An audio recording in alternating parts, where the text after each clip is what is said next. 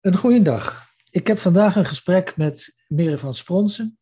Mere heeft geneeskunde gestudeerd en is later gepromoveerd in de neurowetenschappen. Mere heeft kort geleden een boek geschreven samen met uh, Jim van Os. En zij zal ons nu uitleggen of vertellen uh, wat zij heeft doorgemaakt met de psycho psychosen die zij uh, heeft gehad. Mere, graag het woord aan jou. Dank u wel. Uh, ja, ik ben dus Mere, ik kom uit Rotterdam. Ik heb inderdaad geneeskunde gestudeerd daar en ook twee masters gedaan. Ik was altijd geïnteresseerd in onderzoek en hoe het brein functioneert. Op een gegeven moment ben ik naar het buitenland gegaan en uh, daar is eigenlijk de eerste psychose begonnen. Het begon heel geleidelijk. Ik begon een beetje verbanden te zien tussen van alles, vooral tussen mijn droomleven en mijn dagelijks leven. En um, ja, ik heb het ook wel als uh, heel mystiek ervaren. Dus ik heb uh, ook hele mooie ervaringen gehad binnen mijn psychose. En daarom vind ik het ook nog best wel een lastige term. Want het is zo'n beladen term en het klinkt gelijk heel pathologisch. Terwijl ik het ook wel echt heb gezien als een moment van persoonlijke groei en transformatie. Uh, ik ben uiteindelijk in Nederland terechtgekomen weer. En toen begon ik aan de opleiding tot psychiater, want dat wilde ik graag worden. En toen kregen we les over psychose en toen had ik ondertussen zelf uh, een psychose. Dus dat was een heel gek toeval. Uh, uiteindelijk heb ik de opleiding gestopt om te herstellen en ben in de GGZ terechtgekomen.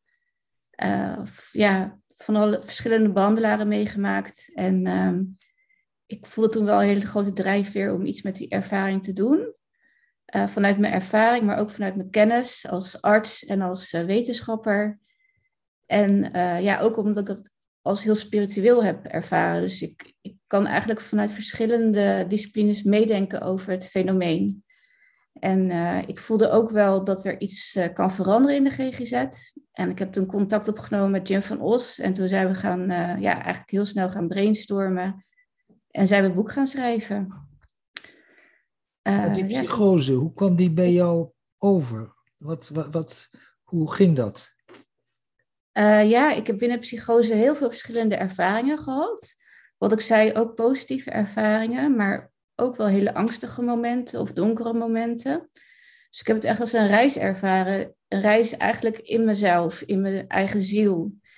En uh, er kwamen ook wel dingen naar boven van vroeger die ik niet helemaal goed had verwerkt. Dus uh, ik denk dat ook bij veel mensen, in ieder geval bij mij, ook wel wat trauma zat. Zeker binnen de verschillende generaties in mijn familie. Uh, ik denk dat ik een heel gevoelig kind was en dat wel heb opgepikt. En dat kwam eigenlijk allemaal in het bewustzijn. Dus uh, dingen die in het onderbewustzijn zaten, kwamen naar boven in het bewustzijn. En ik heb dat ook wel kunnen verwerken door middel van kunst. Ik ben heel creatief en associatief. Dat zie je ook wel vaak bij mensen met psychose gevoeligheid. Ik zie altijd overal verbanden. En dat kan ook heel positief en goed zijn. Maar tijdens de psychose wordt het een beetje te veel. En ik ben gaan studeren aan de Rietveld Academie. En uh, ik heb daar ook projecten gedaan over mijn psychose. Ik heb bijvoorbeeld uh, tijdens uh, de tweede psychose die ik heb gehad, had ik een opname een aantal dagen. En toen heb ik die ervaring willen documenteren in de vorm van beeld. En daar heb ik een boek van gemaakt, een, ja, een magazine.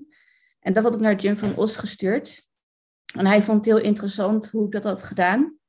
En ja, toen zo zijn we een beetje met elkaar in contact gekomen. En um, die, ja, die psychose is nog wel teruggekomen. Maar ik heb nu wel het gevoel dat ik uh, ja, het een soort van kan beheersen en uh, weer in balans ben.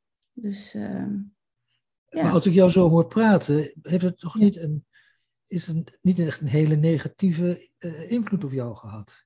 Of, ben, of, of vergis ik me daarin? gedeeltelijk wel, gedeeltelijk niet. Ik, ik heb het zelf als heel verrijkend ervaren eigenlijk. Um, ik zie het zelf als uh, een toegang tot, tot, verschillende bewustzijnstoestanden waar je in terecht kan komen. Uh, eigenlijk ongevraagd. Ik hoor ook wel eens van mensen die veel hebben gemediteerd, dat ze in dezelfde soort bewustzijnstoestanden kunnen komen. Um, en verschillende realiteiten. Uh, maar ja, ik geloof wel een beetje in yin en yang. Dus je hebt hele lichte energieën, maar je hebt ook donkere energieën. En daar ben ik ook mee in contact gekomen. Daar moest ik me ook mee toe, tot, tot verhouden, zeg maar. Dus uh, dat was wel een uitdaging. Maar um, ja, als het, dat lukt, voel je, je daarna wel een stuk sterker.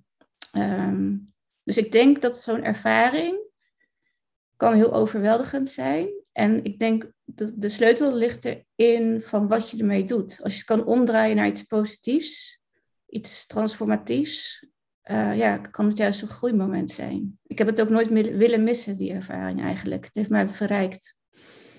En ik las ook over een manie. En welke manie is dat dan? Ja, heb ik ook gehad. Ik heb, bij mij valt het allemaal wel een beetje mee, zeg maar, qua hoe het zich uit. Um, ik heb het niet hele gekke dingen gedaan. Uh, wel dat ik um, ja, gewoon andere dingen ervaarde dan uh, de meeste mensen om me heen. Dus dat was in die zin heel eenzaam. Ik, uh, die manieren waren voor mij heel spiritueel. Ik had echt het gevoel dat ik gewoon een kanaal was en dat ik helemaal open stond uh, met het ja, een directe lijn was met het universum. En dat ook echt die, dat ik dat echt kon ontvangen, die energie van bovenaf. En ja, dat was eigenlijk heel erg mooi. Van die eenheidsbewustzijnservaringen, dat alles één is, dat we allemaal eigenlijk hetzelfde zijn of bij elkaar horen. Dat er geen af, ja, afscheiding is tussen de personen. En uh, ik weet nog wel dat ik toen bij een retraite was in Zwitserland. En toen zaten we in een tent met een meditatie. En toen heb ik echt direct contact met God, of hoe je het ook wil noemen, ervaren. En ja, ik heb echt het gevoel dat dat wel heel reëel was. Natuurlijk heel lastig om achteraf dan te zeggen wat was nou echt en niet. Dat blijft lastig. Maar mijn ervaring staat wel op zichzelf. En ik ben ik, in al die toestanden waar ik ben geweest, ik heb er niks van, ben er niks van vergeten. Ik weet alles eigenlijk nog in detail. Dus, uh, ja. Wat waren dan zo'n beetje de belangrijkste gebeurtenissen die, uh, die ervoor zorgden dat, dat je weer uit die psychose kwam? Ja, ik heb uiteindelijk wel medicatie gekregen, een heel klein beetje haldol. Um, ik knapte daar heel snel van op. Um, dus dat was op zich voor die eerste fase wel, wel, wel goed. Uh, ik ben wel kritisch op medicatie, want dat gebruik ik eigenlijk nog steeds. Terwijl ik denk van dat is eigenlijk niet meer nodig. Maar je lichaam raakt eraan gewend, dus het is best lastig om af te bouwen. Dat ben ik wel van plan dit jaar te gaan doen. En ik wil daar ook een kunstproject van maken. Om dan tijdens die afbouw weer alles te gaan documenteren en daar dan een boek van te maken. En een installatie in een museum. En ik heb heel erg mijn eigen gebruiksaanwijzing moeten gaan leren herschrijven. Dus ik ben ik heb een heel ander soort leven gekregen. Ik ben nog, nog vrij gevoelig voor prikkels en ook nog wel voor, ja, ik noem het dan energie of intenties van andere mensen, waardoor ik ook wel veel tijd alleen doorbreng. En um, ja, veel rust neem. wandelen in de natuur werkt voor mij heel erg goed. Creatief bezig zijn en ook echt goede, de goede connectie vinden met je medemens, met andere mensen om je heen. Dat is ook heel helend. Dus ik ben er een beetje zelf uh, ja, gaan zoeken eigenlijk van wat past er bij mij en wat werkt er voor mij. Dat was wel een zoektocht. En, en dat is nu eigenlijk helemaal klaar? Ben je nog bang, bang dat je nog eens een keer in zo'n situatie terechtkomt? Nou, ik denk dat ik het nu wel een beetje kan reguleren. Ik, af en toe voel ik die gevoeligheid nog wel. En dan weet ik wel een beetje wat ik uh, het beste kan doen.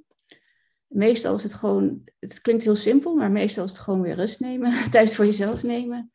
Zorgen dat je niet uh, overladen of overprikkeld wordt of overbelast. En dingen doen die voor jou zinvol zijn. Want dat beschrijven we ook in ons boek.